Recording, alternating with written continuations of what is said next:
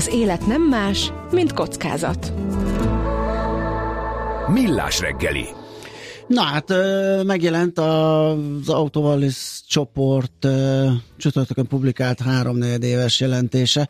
Hát erre lehet mondani, hogy innentől évvégéig minden nap ajándék, mert a kilenc hónap alatt gyakorlatilag a tavalyi évet, egész évet felülmúló árbevétel és nyereség képződött, úgyhogy ennek a hátteréről fogunk beszélgetni Orvosi Gáborral, az Autovalis vezérigazgatójával. Jó reggelt, szervusz!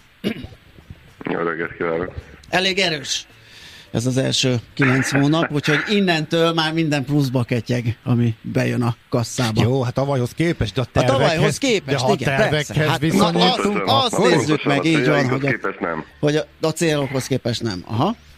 Hogy állunk akkor?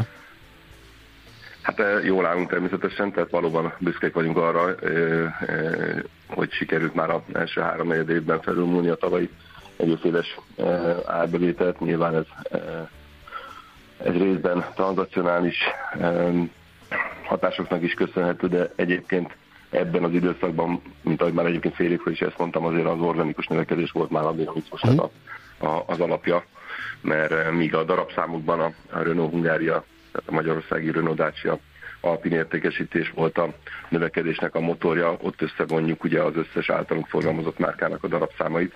Ezt az árbevételben is a, a hatékonysági működési számainkban nem tudjuk, mivel a Renault Hungária Kft. az egy nem konszolidált működési elem, hiszen 50-50%-ban működtetjük, tehát az árbevételben, EBITDA-ban a, a Renault Hungáriának a számai nincsenek is benne. Tehát így E, ennek a tranzakciónak a hatása nélkül is tudtunk növekedni, ahogy az a jelentésünkben látszik. Igen. Ugye az egy részére jutó nyereség tovább ment 32%-kal, és az év első 9 napján 22 forint 6 fillér. Hát ez a tegnapi 115 forintos záróára mit mondjak, furcsán árazza a piaca a részvényt. A 2025-re, tehát a hosszabb távú tervekbe hogy illeszkedik egyébként ez a mostani eredmény? Mit lehet erről elmondani, mennyire tartható az, vagy hamarabb elérhető? Hát ugye már mondtam múltkor, vagy a, sőt a beszélgető napról is ugye beszélgettünk annak idején szeptemberben. Um, ott is elmondtam, hogy természetesen ezek a számok már tényleg felülmúlják azokat a várakozásokat, amiket um, a korábbi stratégiai tervünkben 26-ra kitűztünk így, vagyis hát 25-re kitűztünk, tehát nyilván folyik egy felvizsgálat, hogy ezekkel az alapokkal erre a bázisra építkezve tovább hogyan néz ki a, a, a stratégiai időtávon a számaink, úgyhogy ebben tavasszal mindenképpen a, egy, egy felvizsgálatot fogunk tenni, hát nem nagy titok, hogy felfelé kell hmm, Tehát ez egyértelmű. Aha, ezt akkor majd a teljes éves eredmény megjelenése után, tehát az idei teljes évnek a tapasztalatai. Valahol körül, a körül fogjuk tervezéssel végezni. Nyilván turbulens továbbra is a piac, tehát hozzá kell tegyem azt is a kiváló eredményekhez, és ezért nem ajándék minden nap, hogy azért nagyon turbulens a piac, nagyon erős ellenszél van, azért az mhm. infláció, a kamatok emelkedése, az látszik ugye az általános piaci trendeken, tehát Magyarországon csökkent az eladott darab száma az autóknak, mihez képest tudtunk ugye organikusan is piacon felül teljesíteni.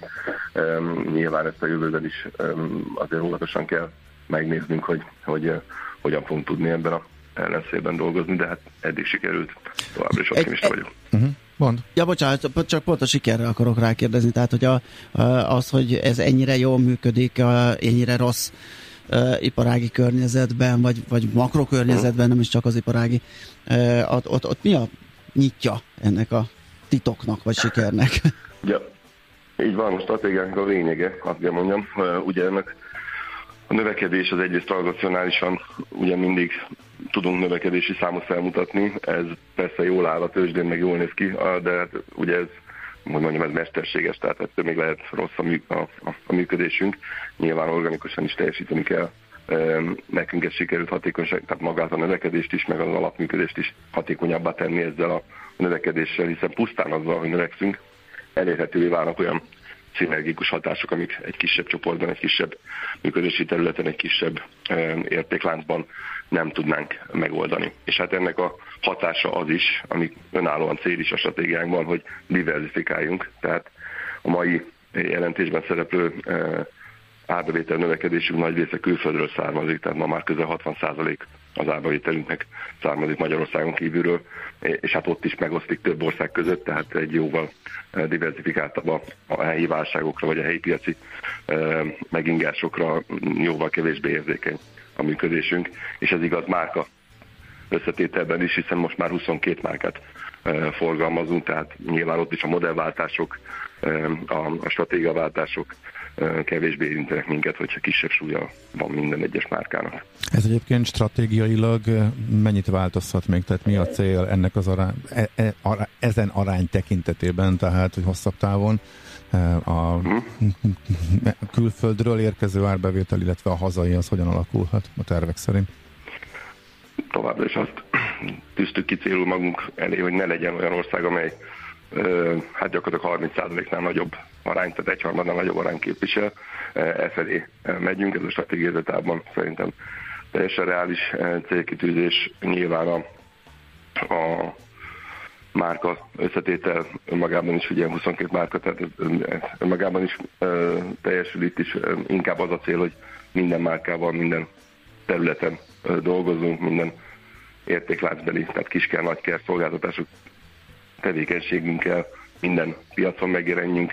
Ezeknek az összhatása, hogyha ezt ügyesen, okosan, jó ütemben indítjuk ezeket az új tevékenységeket, akár most már a meglévő 16 országban, akár csak a meglévő 22 márkával, akkor is nő a diversifikáció az összhatás, az összetétel tekintetében. Mhm. A tervszám emelésen túl, hogyha egy kicsit a közeljövőt firtatjuk, valamilyen akvizíció szóba jöhet esetleg? Van kilátásban?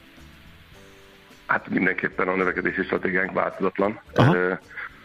Hogyha megyünk előre, nyilván a szokásos választ tudom adni, azt hiszem már megtanultátok Igen. szó szerint, tehát nyilván a, amikor odaérünk, akkor azonnal bejelentjük, konkrétan akkor addig nem tudok beszámolni. Világos. Amíg, amíg nem vagyunk ott, és nem, nem szállok meg. Akkor még csak egy utolsó, nem is tudom, értékelés talán, ugye jövő februárjában lesz öt éve, hogy az autóval lesz a tőzsdén van, mint részvény.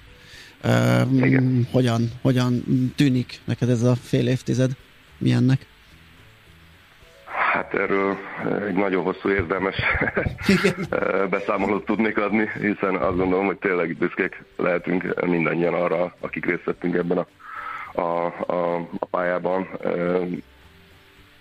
Tényleg egy sikersztori, nyilván Hát ugye benne volt egy Covid, benne volt a pénzügyi piacoknak a, a teljes átfordulása, benne voltak azok a chip hiánytól kezdve, ugye azok a logisztikai zavarok, amik, amikre azért emlékezünk, hogyha visszagondolunk. Nem volt unalmas, nem volt unalmas, nekünk sikerült közben kibocsátanunk a tőzsdő részvényeket, az első zöldkötvény kibocsátások között voltunk, tehát, hogy minden szempontból, és hát növekedtünk, ugye, hát gyakorlatilag ötszörösére nőtt csak az árbevétel, ha így visszanézünk uh-huh. az öt évre, úgyhogy ezen érdemes elgondolkodni. Mindenképpen ez, ez az öt év, ez egy, ez egy jó pillanat, amikor visszatekintve is büszkék lehetünk magunkra. Jó, hát ameddig látok, én egy 5 5 kívánok még legalább ilyen tempóban. azt, a, minimum. Azt a többit meglátjuk. Nagyon köszönjük, hogy beszélgettünk. Szép napot kívánunk a továbbiakban. Szervusz! Köszönöm. Orvosi Gáborral, az Autovalis vezérigazgatójával értékeltük a legfrissebb infókat.